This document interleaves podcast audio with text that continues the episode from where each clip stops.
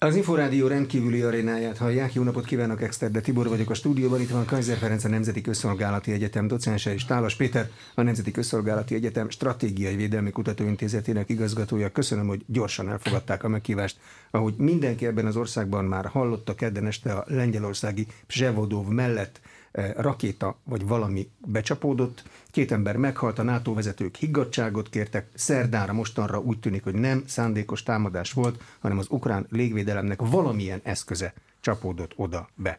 Lehet a roncsokból rekonstruálni, hogy mi volt az, honnan indult és miért? Hát a roncsokból, roncsokból semmiképpen jó napot kívánok.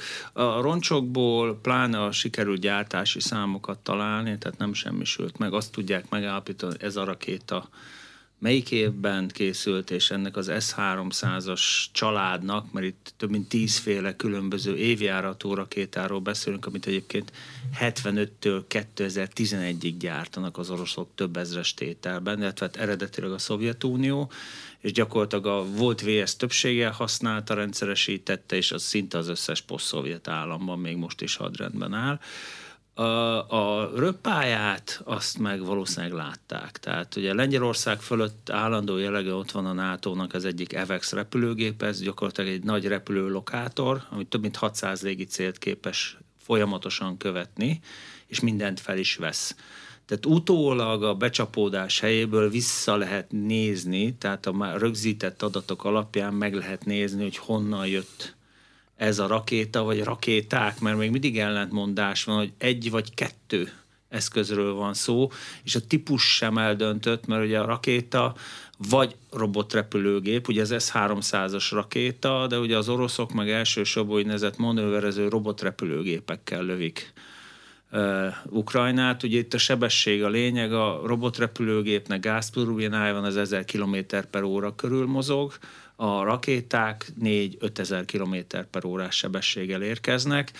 Az S-300-as nagyon sok helyen jelezték, ugye rögtön az elején is volt ilyen bejelentés, Nyilván, ha tényleg ez 300-as volt, már pedig ugye elleg minden bizonyíték erre utal, azt nem indíthatták orosz területről, mert a rakétának a ható távolsága ehhez nem elég nagy. Azt meg lehet állapítani valamiből, hogy ez egy rakéta roncs volt, vagy egy olyan eszköz, amelyik robbanó töltettel volt ellátva.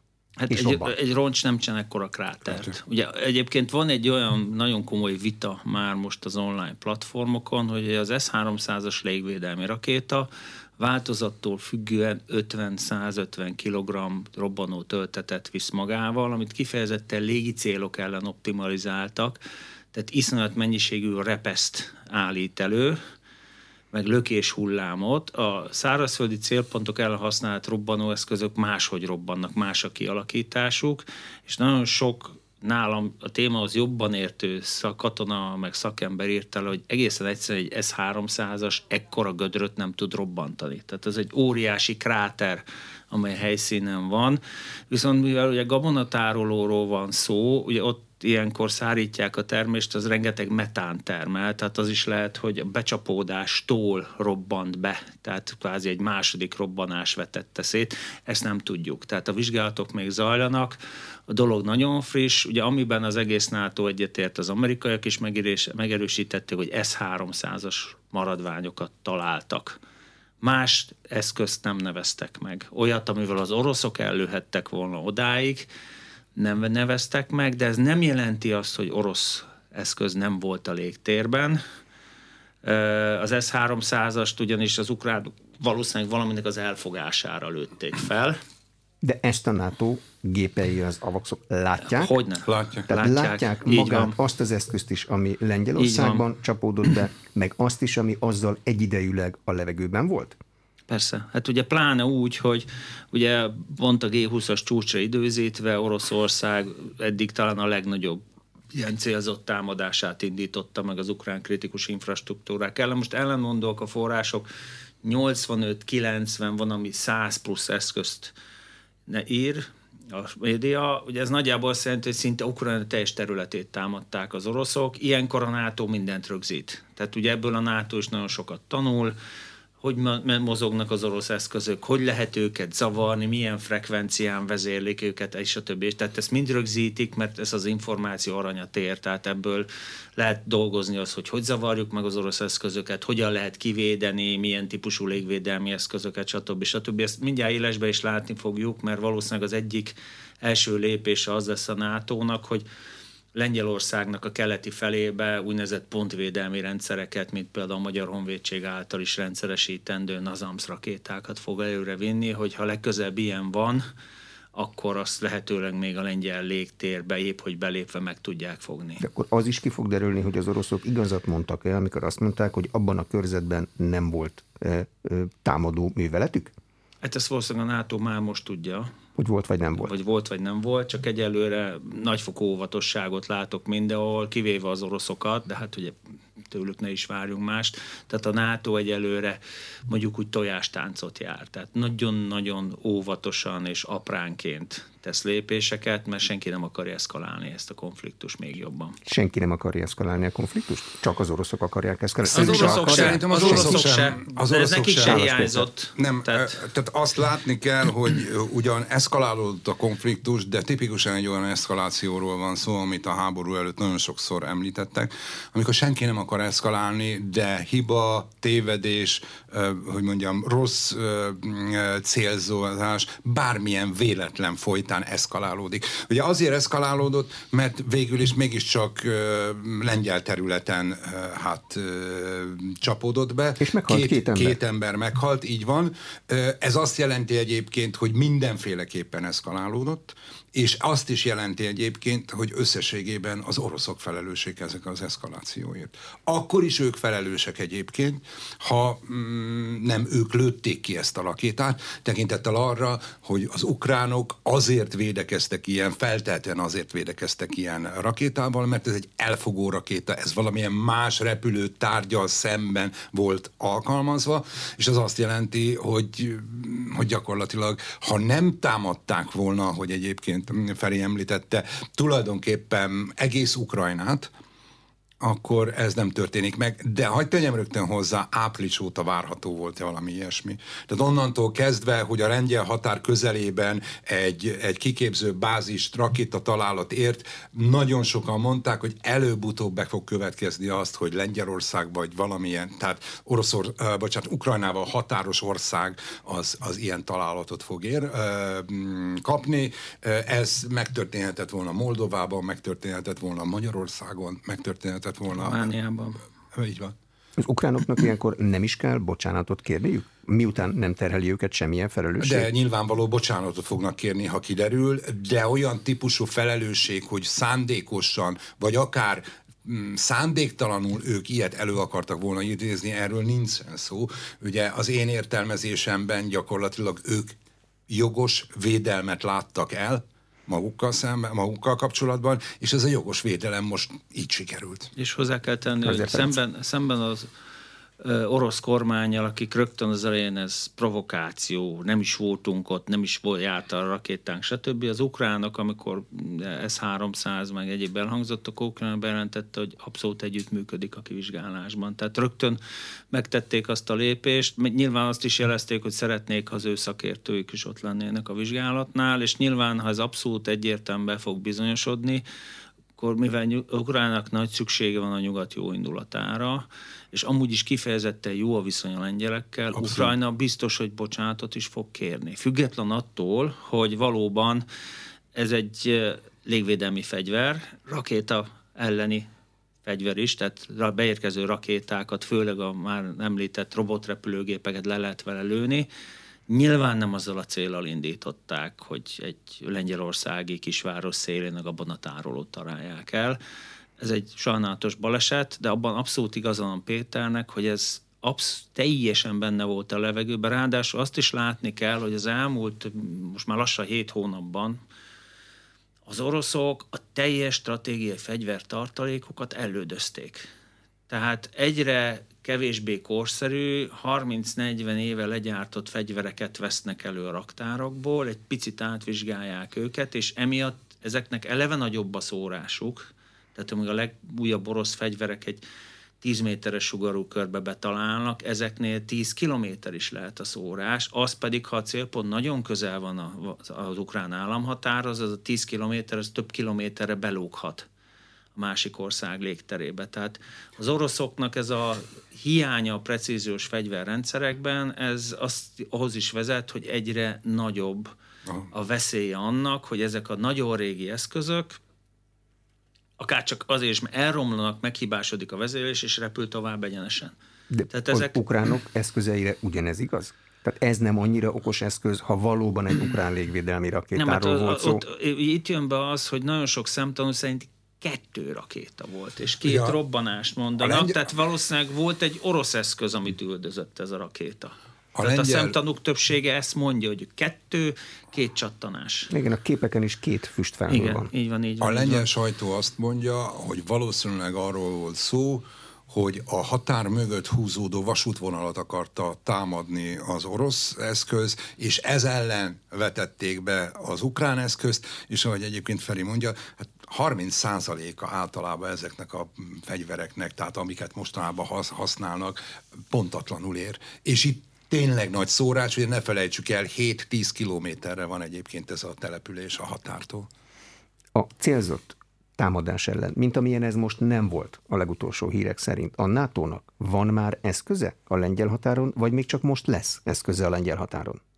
Ugye a lengyel haderő maga rendelkezik ilyen úgynevezett pontvédelmi rakétarendszerekkel, ezek gyakorlatilag a saját gyártású váról indítható légvédelmi rakéták, ilyen 6-os, 8-as indító kötegekben páncélozott terepjáró gépjárművökön, de ez a rendszer, ez szó szerint pontvédelmi, tehát 5 kilométeres a rakéták megsemmisítési távolsága, tehát ezt repülőterek, katonai bázisok, kritikus infrastruktúra elemek védelmére használják olyan rendszer, ami nagyobb területet le tud fedni, mint a NASAMS, vagy a német IRIS-T, amit mind a kettőt ugye jelenleg felajánlották Ukrajnának, bár még nem érkezett meg, olyan a lengyeleknek nincs, csak az SA-6-os, ami, hát hogy fogalmazzak finoman, az a 73-as arabizraeli háborúban sem volt már a legfiatalabb fegyver.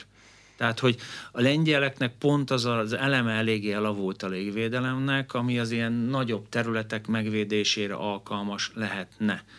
Tehát vélhetőleg most, ha majd lesz ugye egy NATO megbeszélés a negyedik cikkely alapján, ott valószínűleg Lengyelország kérni fogja, hogy a NATO a saját erőiből ilyen korszerű területvédelme, és tehát nem egy pontot megvédeni képes, mert az a lengyeleknek van, 18-ba kezdték szállítani ezt a rendszert, 70 darab, tehát ez nyilván nem tudja lefogni a több száz kilométeres lengyel-ukrán határt, tehát ezeket a rendszereket fogják a lengyel határ közelébe telepíteni, és ez összehangolva az amerikai evexekkel, meg a lokátorokkal, ez már képes lehet arra, hogyha legközebb ilyen van, akkor még gyakorlatilag rögtön, hogy átlép lengyel légtérbe, vagy ad abszurdum már ukrán terület fölött. Ez az egy kicsit vékony ég, el tudja fogni Igen, a, ezeket a... Megint csak a, a lengyel sajtóból hadd idézzem, hogy Káros ott is ugyanezt mondják, azzal, hogy ilyet akkor sem fognak tudni kivédeni.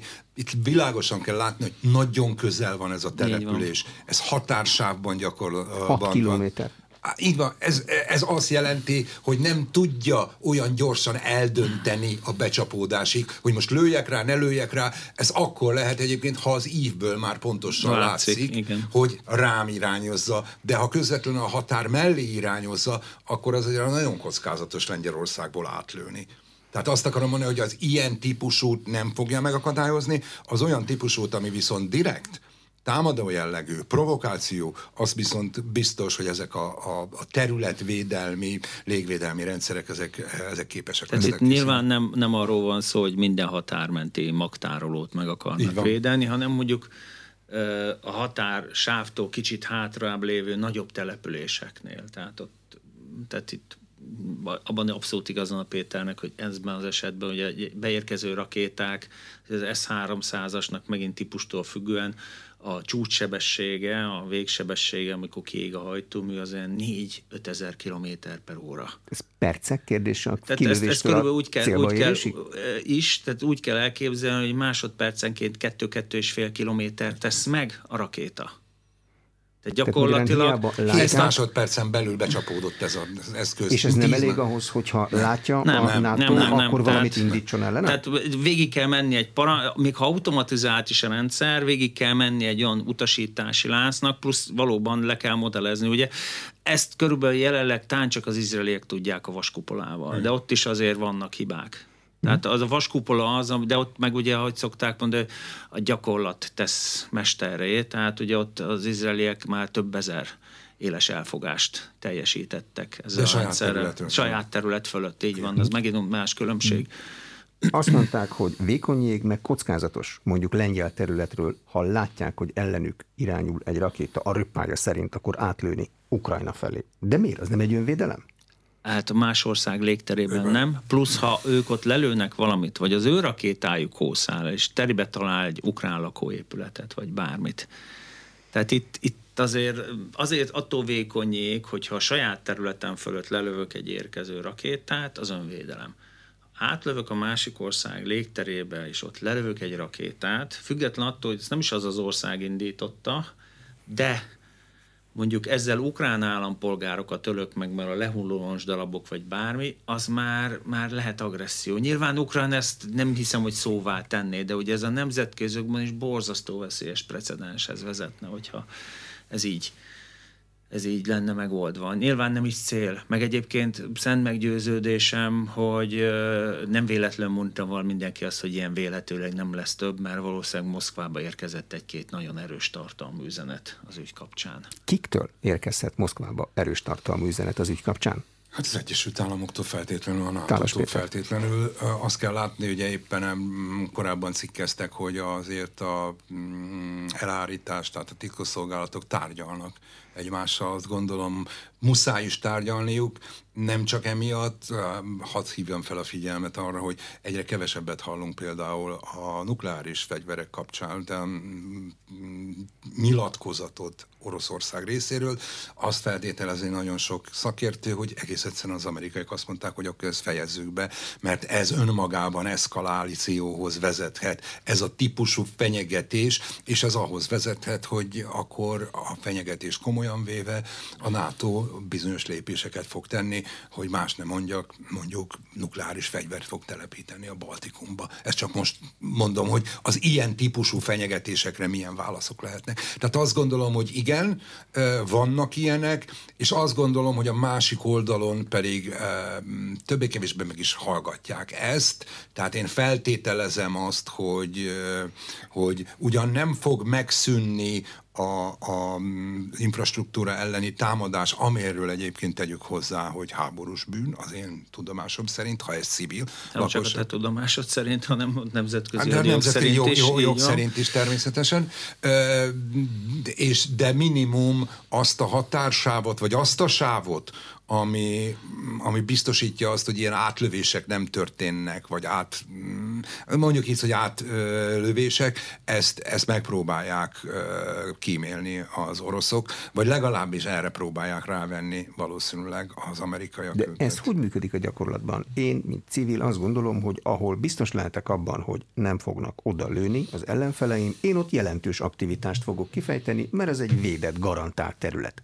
Jó, de hát ugye itt, itt jön be az, hogy a kritikus infrastruktúra elemek azok, azok fix telepítésűek. Tehát, hogy attól, hogy mit tudom én, Lembergben lesz áram, attól ki ebben továbbra se lesz. Sem lesz. Igen. Tehát ugye az oroszok most jelenleg szisztematikusan az ukrán lakosságot ellátó kritikus infrastruktúra elemeket támadják, és erőművek, transformátorok, hőközpontok, vízhálózat, tehát el akarják lehetetleníteni gyakorlatilag az életet. Hogy télen ne legyen víz, ne legyen fűtés, ne legyen áram, ne legyen világosság. Annak érdekében, mert abban bíznak, hogy emiatt szembefordulnak majd az ukránok, az ukránok a kormányal. Ez szerintem egy irreális vállalkozás, vagy legalábbis mondjuk azt, hogy az ilyen típusú támadások a történelemben nem nagyon vezettek eredményre. De Természetes, hát... sőt, azt gondolom, hogy olyan szempontból is kontraproduktív, hogy egyre kevésbé tudja Oroszország rávenni a nyugatot arra, hogy ne támogassa ilyen helyzetben a, a, az ukránokat, tekintettel arra, hogy ez gyakorlatilag egy háborús bűn amit rendszeresen elkövetnek, nem tudom, hat naponként, négy naponként, mikor, hogy, mert ez nem minden nap történik, de alapvetően azt látjuk, hogy, hogy, hogy, hogy mondjuk október közepe óta mm, ciklikusan, ciklikusan visszatér, és valóban tegnap egyébként mint egy reflektálva Zelenszkinek a G20-as hát mm, mondjuk azt, hogy beszédére megindultak, megindult egy ilyen támadás. Nem mindig kapcsolható. Tehát például most láttam egy elemzést arról, hogy a Kercsi híd utáni hát mondjuk azt, hogy ilyen támadások, azok nem re- reakció volt a Kercsi hídra, hanem attól függetlenül tekintettel arra, hogy amikor ilyen támadásokat hajtanak végre az oroszok, azokat előzetesen Abba nagyon jól tervezik. megszervezik. Ez azt jelenti, megtervezik a jobb röpjápályákat, tulajdonképpen csak egy sticket kapnak, vagy egy, egy hát ilyen ö, kulcsot kapnak, amit be kell ö, helyezni a, a eszközbe, és az eszköz automatikusan lövi ki egyébként arra a röppályára, amire meg van tervezve. Külön van a Calibrora ö, ilyen tervezőbrigád, és külön van ö, még a, a szárazföldiekre, tehát ez körülbelül egy 30 ember részben Moszkvában, részben pedig Pétervárot, akik külön ezeket a célzásokat, a, a cél, a Mi cél tervezést. Is, mikor manőverezik a, Így van. az eszköz. És ezeket, a ezeket programozzák. Milyen a lengyel hangulat a két lengyel ember halála után egy olyan országban, amelynek a viszonya Oroszországgal közismerten rossz? Meglepően higgadt volt a, a, a, a politika. Po, politika, abszolút. Hogy milyen, innen Budapestről nagyon nehéz. Azt gondolom egyébként, hogy természetesen hát mm, idegesek és feszültek, de nem hiszem, hogy ez lényegesen változtatott volna a hangulaton. Azért azt a, a, az ukrajnai háború kapcsán a Lengyelországban egy óriási nagy társadalmi vita van. Már abban az értelemben, hogy, hogy megbeszélik, tehát sokkal többet beszélnek. Részben azért, mert sokkal több ukrán van, részben azért, mert a politika sokkal többet kommunikál, és, és elég határozottan érzi a politikai azt, hogy tulajdonképpen az ukránok támogatását támogatja a, a, elég határozottan a lengyelek ö, többsége. Annak ellenére egyébként, hogy a, a migránsok eltartása és a migránsokra, hát hogy mondjam, a migránsok gondozása vagy eltartása egyre több és több pénzbe kerül, ráadásul úgy, hogy ezek túlnyomó többség, akik itt vannak, azok magánházaknál vannak. Tehát nem arról szól a történet, hogy itt hotelek vagy, vagy menekült helyek lettek volna, hanem magánházakban vannak. Én olyanokat szoktam olvasni alapvetően, a, mert valószínűleg erről szól túlnyomó többségben a lengyel sajtó, vagy ez, amikor ki akarják tenni az ukránokat, és ott fölháborodnak nagyon sokan, hogy miért teszik ki őket. De, de rögtön hadd tegyem hozzá, hogy egész biztos, hogy a lengyeleket még inkább el fogja ez kötelezni az ukránok mellett, és hát erősíteni fogja azért az orosz ellenességüket, de mondjuk e tekintetben nem kell hát nagyon sokat. Sokat nem tudnak Így már. van, így van. Tehát, tehát, hogy mondjam, tehát, de nagyon egyszerűen azt kell látni, hogy mind a lengyeleknél, mind a baltiaknál az ilyen események még inkább megerősítik azt, hogy az ő biztonságuknak alapeleme az, hogy az oroszokat távol tartsák, és azt most legjobban Ukrajna támogatásával tudják távol tartani. Van-e a NATO-nak valamilyen eljárási rendje olyan esetekre, amikor nem világosan a NATO tagállam elleni támadásról van szó, mint amilyen például most. Most mi ebből annyit láttunk, hogy minden felelős vezető azt mondta, hogy nyugalom, higgadság, nézzük meg, mi történt, utána döntünk. Ez az eljárásrend? Igen, és ennek a része az úgynevezett negyedik cikkely. Tehát amíg az ötödik cikkely azért nagyon kereken fogalmaz, bármelyik tagállam vagy tagállamok egy része elleni nyílt katonai támadás, abban mindenki egyetért, ez nem az volt. Az egyet jelent az, hogy a közösséget egészét támadták meg, és ennek erre megfelelően és arányosan fog a NATO válaszolni. A negyedik cikke azt mondja, hogy ha valamelyik tagállam úgy érzi, hogy az ő biztonságát és a többi, akkor összehívja az illetékes testületeket, és ott ezt az aggályt megbeszélik. Nyilván itt azért ennek is lesz komoly üzenetértéke, hogy mit fog utána nyilatkozni a NATO, a vonatkozó az Észak-Atlanti és Tanács, és, a, és mit fog lépni a NATO. Plusz egyébként nem mellesleg szeretném megjegyezni, hogy a G20-on született egy az oroszokat eléggé egyértelműen elítélő nyilatkozat, amit Kína is aláírt. Tehát, hogy hogy Kína egyre nehezebben viseli ezt a háborút, mert nekik eh, valószínűleg Xi Jinping-el Putyin egyeztetett, szinte biztos, csak neki nem ezt ígérték. Tehát ez a hét hónapos háború, meg az, hogy most már ugye a, a nyugati világ egyre kevésbé baráti Kínával szemben is, az Kínának a globális értékeit is, érdekeit sérti. Tehát most már Kína is szeretné rávenni a feleket, és elsősorban Oroszország, mert amikor a kínai külügyminiszter azt mondja, hogy most már abba kéne hagyni a nukleáris fenyegetőzést, persze ezt elküldi Ukrajnába is, meg elküldi Oroszországba, és nyilván nem Ukrajna fenyegetőzik nukleáris fegyverekkel. Tehát nagyon sok helyen jön a jelzés, hogy be kéne ezt már végre fejezni, csak így itt van az az alap probléma, hogy a befejezés, mert ugye Lavrov is, meg Oroszország is mindig elmondja, mi abszolút a békepártyán vagyunk. Na most azt nehezen támasztja alá az, hogy száz rakétával lövön az ukrán kritikus infrastruktúrát. Tehát, hogy tényleg komolyan legalább tűzszünetet akarok, akkor ezt azzal kezdem, hogy bejelentem, hogy egy vagy két napig, 24-48 óráig az én csapataim csak akkor lőnek, ha megtámadják őket. Jó szándékom jeleként.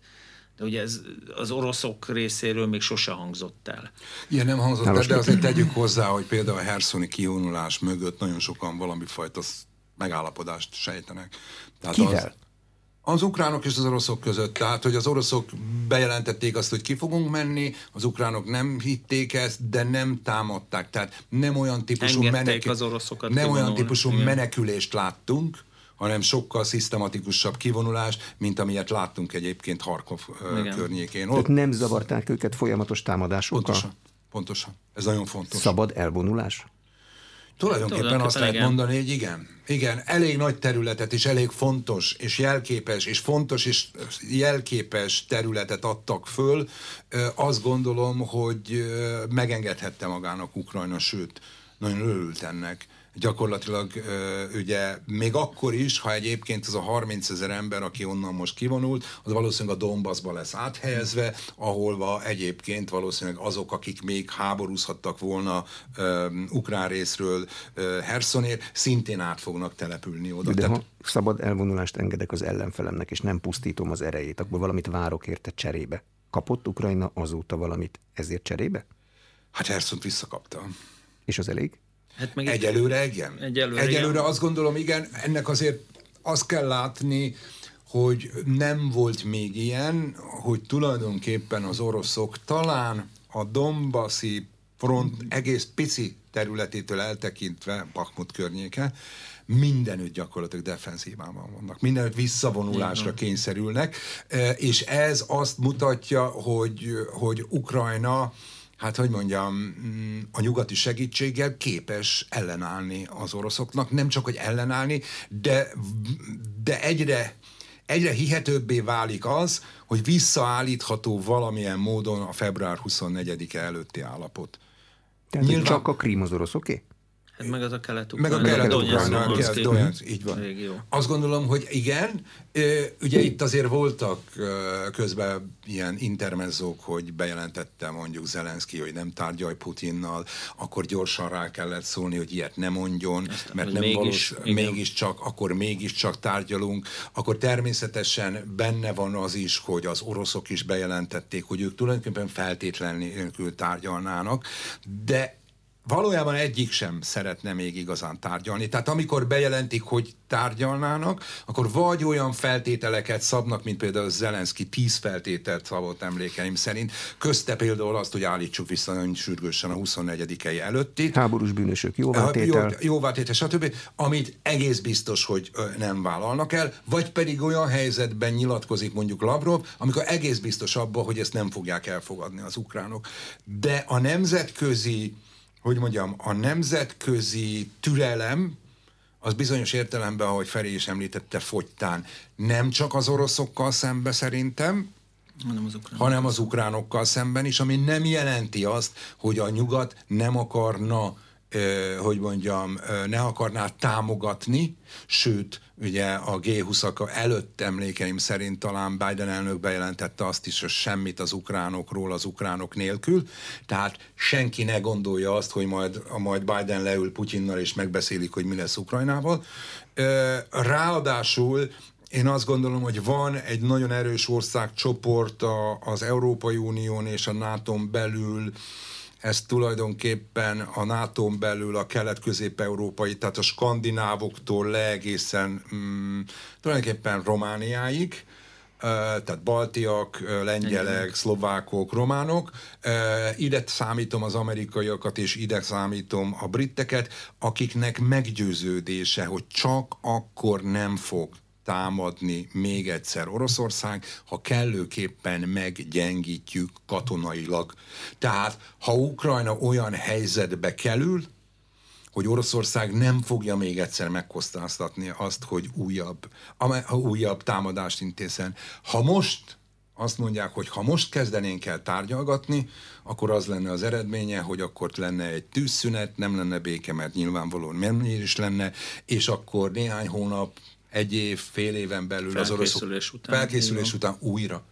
Tehát valami fajta garancia kell ahhoz, hogy Oroszország ne próbálkozzon meg, és ennek lesz, azt gondolom, katonai garanciája is. Részben Ukrajna felfegyverzése, ami alapvetően meg fogja változtatni a kelet-közép-európai stratégia egyensúlyt, részben pedig annak a, hát mondjuk annak a, a NATO keleti szárnyának az a megerősödése, amit most látunk a, a, a legtöbb haderőnél.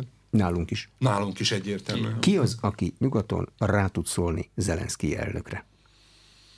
Hát aki, a, hogy szokták mondani, aki fizeti a primást. Tehát az amerikaiak. Legtöbb pénzt ők Döntően, adják, igen, igen. legtöbb haditechnikai eszközt ők adják, kiképzők. Rászólni szerintem is csak az amerikaiak, kérni tudnak egyébként, Mások a baltiak, a, a, a, a lengyelek egyértelműen tudnak. Tehát, tehát a baltia és a lengyel és az ukrán viszony az ebben a háborúban annyira bensőséges, hogy, hogy ők szerintem kérni tudnak és javasolni is tudnak esetleg. De döntően akik követelni tudnak, azok szerintem is az amerikaiak, az amerikai elnök. Azt látszik most, hogy az amerikaiak mit követelnek? Szeretnék, ha vége lenne a háborúnak, szeretnék, ha még tartana a háború más feltételek kidolgozásáig, vagy kiharcolásáig. Mit szeretnének most? Hát ugye nemrég, nemrég volt egy ilyen javaslat Biden elnök részéről, hogy Hát igazából ez körülbelül úgy hangzott, hogy legalább tegyetek úgy, mint a tárgyalni szeretnétek. Ugye ez részben a félidős választásokkal volt összehangolva.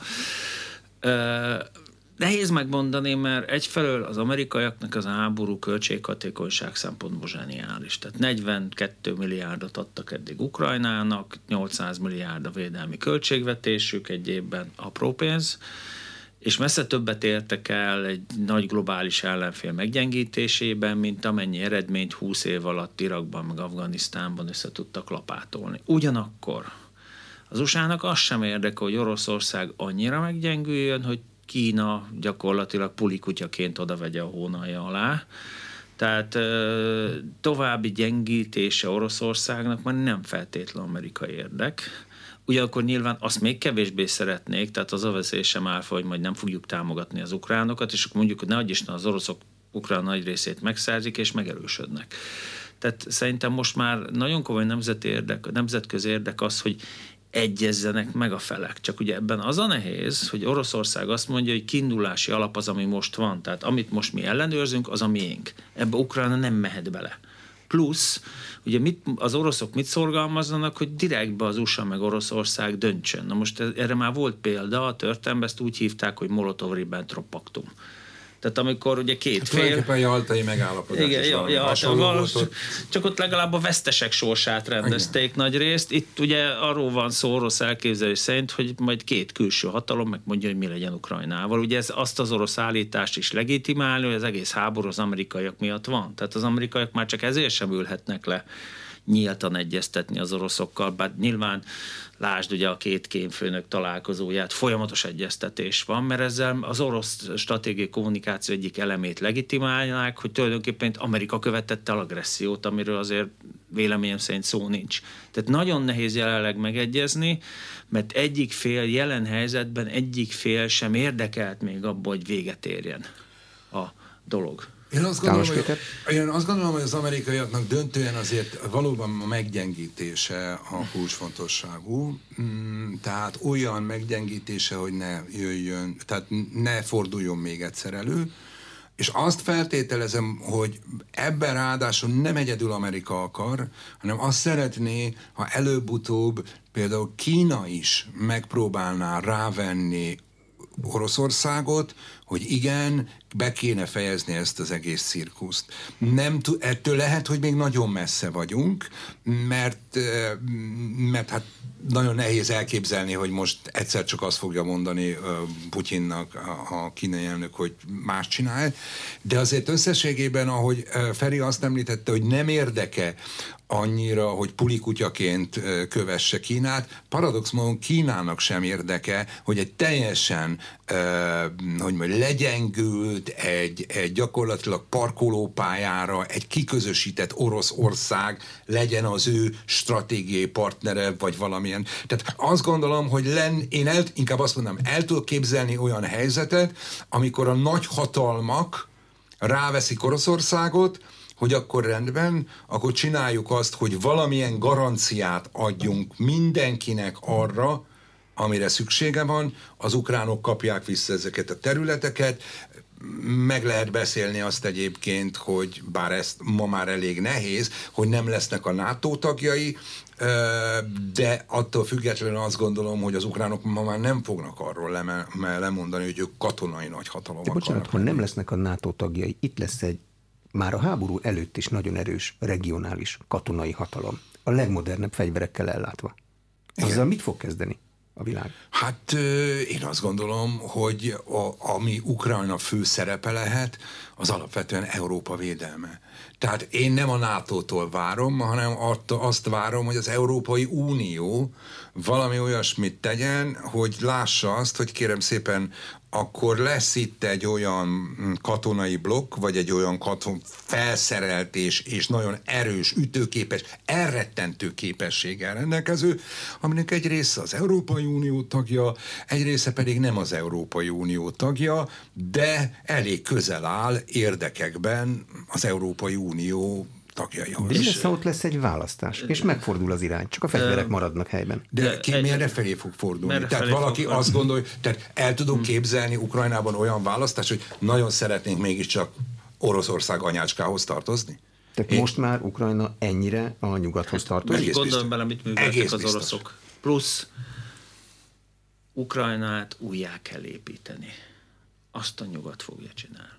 Csak neki, neki van, van rá pénze, csak neki van hozzá technológiája, meg akarata. Lehet, hogy Kína is beleugrana, de őt onnan azért távol fogják tartani.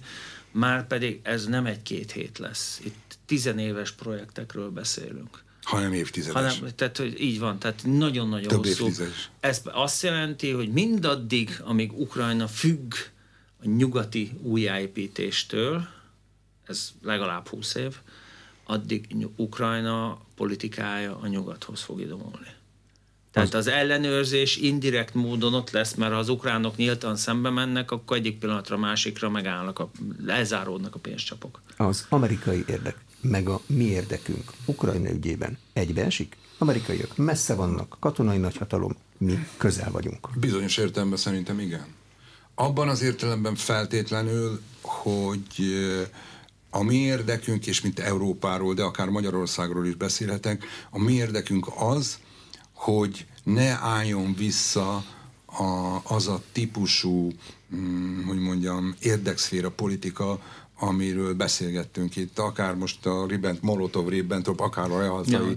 Az érdekszféra és a és a befolyási övezet között szerintem én már itt ugyanebben a műsorban egyszerűen elmondtam, hogy itt döntően arról van szó, hogy a háború ne legyen eszköze az érdekérvényesítésnek. Minden egyéb lehet, de a háború ne legyen, mert háborúval nem tud mit kezdeni az Európai Unió. Az Európai Unió egyetlen állama sem olyan erős katonailag, hogy képes legyen hát erőt kivetíteni. Az Európai Unió egy dolgot lesz képes a jövőben, amit most csinál, de egy, még inkább egyébként, amit most csinál a NATO, illetve az Egyesült Államok, azokat a rezsimeket fogja fegyverrel támogatni, akik az ő számára kedvező érdekeket képviselnek. És pénzzel és diplomáciával. Pénzzel és diplomáciával. Tehát ilyen értelemben szerintem egybeesik a mi érdekünk. Amennyiben ugyanis ö, a, az győz, amit Putyin mond, akkor még mindig nem veszít akkor át az Egyesült Államok, hiszen az Egyesült Államok két háborút is tud vívni, mint láttuk egy időben.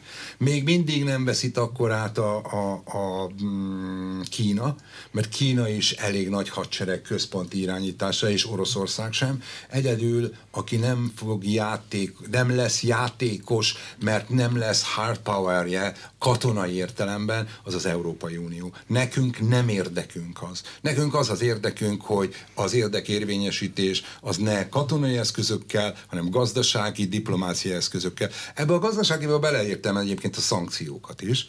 Tehát lehet szankcionálni, lehet a szankciókat például elrettentésként használni, amire azt szoktuk mondani talán majdnem, hogy fegyver típusú történet lehet, amennyiben olyan országról van szó, akinek fontos a, a jólét és fontos a fejlődés. De összességében azt gondolom, hogy a, a egybeesik bizonyos értelemben az európai és az amerikai érdek. Mi lesz azzal a rengeteg fegyverrel, ha a háborúban nem kell elhasználni mindent? Mit csinálnak vele az ukránok? Hát Lezsírozzák? Egy, ne, hát egy része szerintem, ugye azt kell látni, most nagyon sokféle fegyverrendszert használnak az ukránok. Ennyit békeidőben nem lehet. Tehát van francia nagyható távolságú önjáró tüzérségük, német, amerikai vontatott tarackok, sorozatva, tehát egészen egyszerűen lesz egy mondjuk úgy átfogó rendrakás, és az eszközök egy része visszamegy az eredeti gazdájához. Ukrajna kap egy egységesített fegyverzetet. Nyugatit. Nagyon, nyugatit. Nagyon, nagyon komoly fontos. nyugati ellenőrzéssel. Velük lesz kompatibilis. Mondjuk. És Uh, ugye a fegyver nagy része, a fegyverek egy jelentős része már elhasználódott, a lőszer nagy részét már ellőtték. Ugye a páncéltörő meg a légvédelmi rakéták nagy részét már ellőtték, és maguk az ukránok is pontosan tudják, hogyha nagyobb mennyiségben, vagy visszatérő, hogy eladják a fekete piacon, ez nagyobb hát mennyiségben valahova, valahova elkeveredik, akkor abból ők nem jönnek ki jól. Tehát, hogy többször felvetődött, hogy adják a fekete piacon az ukránok ezeket, csak eddig még nem jött rá egyszer sem bizonyíték. Tehát, hogy azt hallottuk, úgy láttuk, Béla bácsi nagybátyának az unokatestvér ott volt, ahol egy ilyet eladtak. De mi Tehát, az, ami föltűnik egy HIMARS, az nyilván föltűnne, ha eltűnne, nem csak a de HIMARS, egy indítható rakéta? Hát az... azért, mit tudom én, az, amit az ukránok kapnak, a Javelin, a HIMARS, nem, nem a HIMARS, bocsánat, az NLO, tehát a következő generációs könnyű páncéltő rakéta, azok azért eléggé specifikusak, és a fekete piacra nem ezek mennek ki. Ott zömmel ilyen a poszt-szovjet, szovjet, kínai termékek vannak. Tehát ha értem valaki nagy mennyiségben extra korszerű, és ezek sokkal modernebbek, mint az oroszok, eszközöket elkezd a fekete piacon látni, akkor meg lehet tippelni, hogy honnan került ki. Mert ezekre, tehát úgy kell elképzelni, hogy egy LO, ami 12 egy tucat rakéta az ukránoknál, az kb. 30 ezer dollár darabja. Tehát, hogy ezek pokoli drágák is, szemben mondjuk azért, hogy ugyanezért 15-20 majutkát lehet venni. Tehát, hogy ezek nagyon kifinom, és ráadásul itt a másik, hogy ezeket viszont karban el kell tartani. Tehát ezek nem olyanok, az orosz eszközök egy része az nem annyira szervizigényes. A nyugati technika egy részét azt rendszeresen felül kell vizsgálni, időről időre karbantartani, nem megfelelően tárolják, tehát a hosszú idő ilyen olyan raktárakban a fekete piacon az gyakorlatilag úgy teszi tönkre a fegyvert, hogy nem használhatatlanná válik pár év rossz tárolás után. Miként egyébként az orosz eszközök egy részénél is ez a probléma, hogy 30 évig ben volt a raktárban karbantartás nélkül, és nem, is működik. nem működik. Milyen jövő vár a kárpátaljai magyarokra Ukrajnában? Attól függően, hogy mi lesz Ukrajna sorsa. Hát ez, ez szerintem Kajzer szinte Ferenc. független az a baj, hogy ö, egyrészt az ukrán lakosság egy része szerint Magyarország nem a barátjuk. Ez nem mennék bele, hogy ők miért vonták le ezt a következtetést. A felmérések azt mondhatják, hogy nem kedvelnek Nem kedvelnek Humanitárius minket. segítség a határon menekülők fogadása ellenére sem? Tehát ezek az információk e, már nem jutnak el? Csak a Kevésbé, mint a magyar külpolitika. Ugye erre az ukrán kormányzat is ugrik, plusz ugye itt mindig a kisebbségen verik el a frusztrációjukat. Ugye akkor egy fiatal állam 91-ben jött létre, a kisebbség az ideális bűnbak. Hozzá kell tenni, hogy a magyarság ellen az oroszok legalább olyan hatékonyan léptek föl, nagyon gyakran egyfajta ötödik hadoszlopként használták őket. Ugye a magyarok egy jelentős része már elmenekült, egy másik részük, ők valószínűleg maradnak is, nagyon sok magyar harcol az ukránok oldalán, ezt nem szabad elfelejteni. És halnak is meg magyarok. És így van, sajnos sokan meg is halnak közülük. Én azt gondolom, hogy hogy már rövid távon is a kárpátai magyarság egy jelentős része Kárpátalján kívül kerül, és fog kerülni. Nem biztos, hogy már csak azért, mert hova mennek vissza. Ez egy nagyon fontos. Én azt gondolom, hogy döntően mm, valóban tehát három dolog fogja meghatározni minden egyes kisebbségnek a sorsát. Az, hogy mennyiben vett részt és milyen minőségben vett részt a háborúban. Tehát hogy vette ki a részét ebből.